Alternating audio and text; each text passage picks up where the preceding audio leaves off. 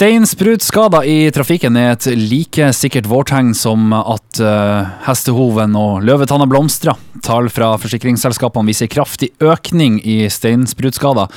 Kommunikasjonsrådgiver i NAF, eh, Nils Sødal, hva kan du si om dette?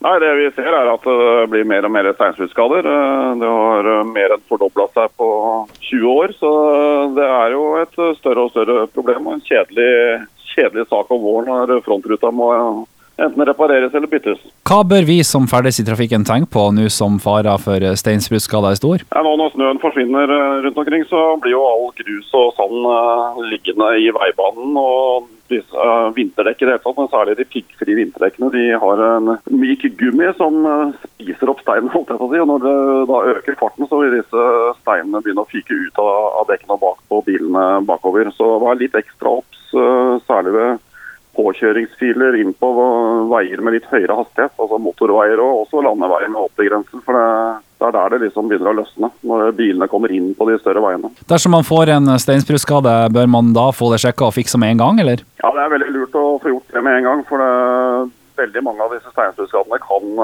repareres. Eh, og Da slipper du unna med, med egenandel, eh, hvis du har kasko eller delkasko. Hvis lar det surre og gå en stund, så kan den skaden utvikle seg til å bli så stor at du må bytte hele ruta. Da må du ut med en egenandel på et par tusen kroner, og det er jo litt unødvendig.